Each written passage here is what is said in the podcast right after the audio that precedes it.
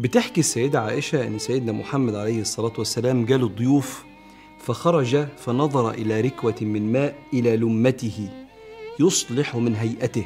اللمة شعر النبي اللي كان واصل عليه الصلاة والسلام لغاية ودانه. فصلح هيئته كده بص في كوز مية كده كأنه عامل زي المراية فصلح فأصلح من هيئته صلى الله عليه وسلم.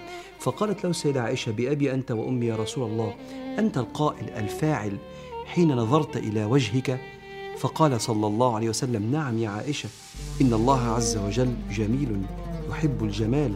إذا خرج الرجل إلى إخوانه فليهيئ من نفسه. بتقول له أنت اللي بتكلمنا عن الآخرة وبتكلمنا عن معالي الأمور.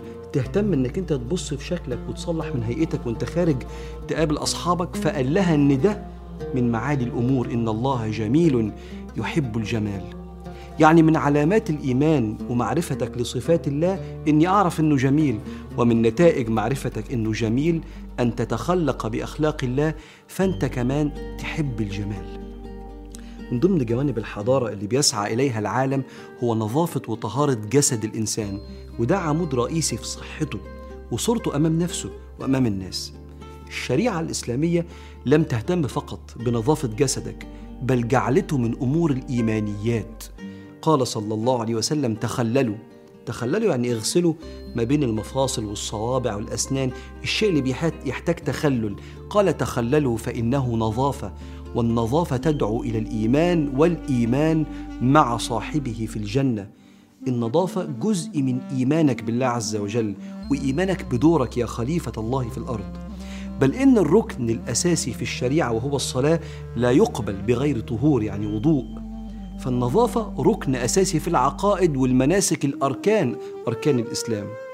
بل لما ربنا حب يمدح الأنصار مدحهم إن هم نصروا النبي عليه الصلاة والسلام وجنب مدحهم بنصرة الإسلام قال فيه رجال يعني في المسجد في مسجد قباء فيه رجال يحبون أن يتطهروا والله يحب المطهرين.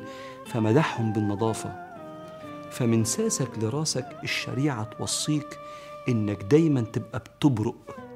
يعني مثلا ربنا يوصيك تخلل الاصابع في الوضوء وتغسل البراجم اللي هي الصوابع من فوق شوف الدقة وتمسح الودان من جوه ومن بره وتنظف مناخيرك وتستنشق وتبالغ في الاستنشاق وغسل المناخير والفم ما لم تكن صائما. وتغسل سنانك خمس مرات بالسواك زمان وبأي آلة مناسبة للعصر دلوقتي. إذا مش بس كده ده أحاديث تعطر سيدنا رسول الله عليه الصلاة والسلام لا تحصى عددا سواء تعطيره لإيديه أو وجهه أو لحيته وصولا لشعره الشريف صلى الله عليه وسلم. حتى إن العلماء وضعوا التعطر في باب الإنفاق في سبيل الله الذي لا إسراف فيه. مهما تعطرت أنت مش مسرف لأنك بتكرم الناس. كل ده عشان تفضل أنت في أبهى صورة قدر الإمكان يا خليفة الله. لدرجة إن ربنا سبحانه وتعالى في الشريعة يدقق وراك فلا يقبل منك الغسل إلا لما المية توصل لجميع بدنك. شفت قد إيه بيحبك نضيف قدام نفسك وقدام الخلق وده من معتقدك ومن عبادتك. وسيدنا رسول الله لما يشوف حد ويلفت نظره لحاجة سيدنا النبي لا يتكلم إلا في معالي الأمور.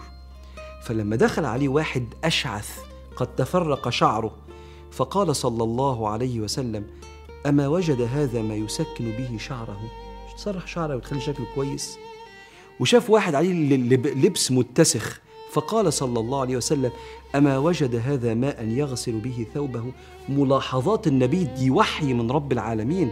وما ينطق عن عن الهوى إن هو إلا وحي يوحى.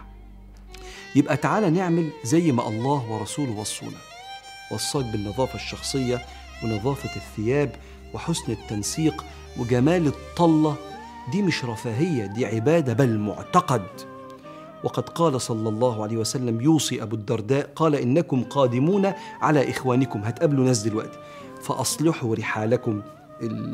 الحاجة اللي أنتوا راكبينها واللبس اللي أنتوا لابسينه والشنط بتاعتكم فأصلحوا رحالكم وأصلحوا لباسكم حتى تكونوا كأنكم شامة في الناس.